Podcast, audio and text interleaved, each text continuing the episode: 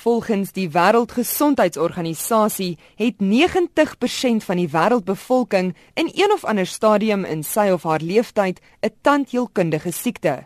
Maar dit is behandelbaar en kan voorkom word deur 'n goeie roetine as dit by mondhigiëne kom. Dokter Vry verduidelik wat so 'n roetine behels. In die aand as jy nou gaan slaap en jy het uitgegaan en 'n lekker tyd gehad of nou jou lekker kossies geëet, dan daal die spoegvlakke en in die spoeg is die dinge wat eintlik die tande beskerm. So, eerste punt wat ek wil uitlig is dat almal net asseblief begin borsel voor hulle gaan slaap, dan daarbey aangelas. As jy dan nou borsel, borsel so, jy weet ons mik vir so 8 sirkeltjies om elke tand, maar dit is nou dis 'n ideale wêreld. Wat ons eintlik net wil hê is na die persoon geborsel het, dan moet jy net die oormaat tandepasta in die mond uitspoeg, glad nie uitspoel met water nie. Rede daarvoor is jy kort so 2 minute vir daai penetrasie om plaas te vind van die tandepasta in die tand in. En as jy dit dan gedoen het, vee maar die gesiggie af en dan kan jy lekker gaan slaap selfs toe weer in die oggend. En dit sal vir jou baie goeie resultate bied en jy sal sommer heeltemal verbaas wees hoe skoon die mond is. Dokter Vrey sê baie pasiënte kla oor 'n asem wat nie te vars is nie. Hy sê tande is nie gewoonlik die rede vir 'n onwelriekende asem nie. Nou die tong is die wortel van die kwaad in hierdie situasie omrede.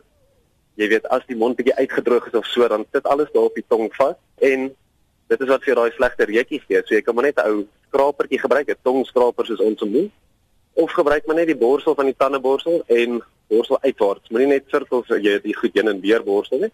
Suiker is volgens dokter Vry sleg vir jou tande, veral as jy dit in oormaat inneem. Hy sê baie mense het ook vra oor spierwit tande.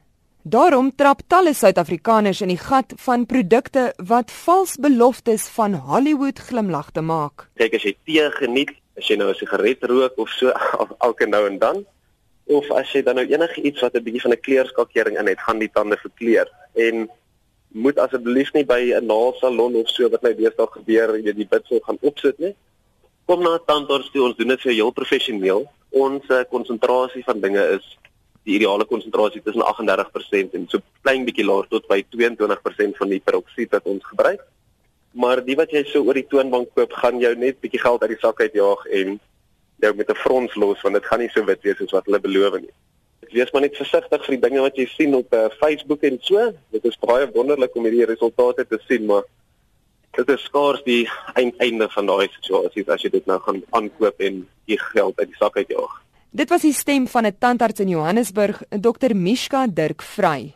Hy sê verder, ouers moet seker maak hulle is vroegtydig ingelig oor mondhigiëne sodat hulle hulle kinders ook reg kan leer en weet wat kan gebeur as die kinders tande kry. Hy sê op die ouderdom van 6 moet kinders al minstens 1 keer 'n tandarts besoek het en dan elke 6 maande daarna. 20 Maart is in 1994 tot internasionale mondhygiëne dag verklaar deur die WHO. Die tema van jaar is alles begin hier.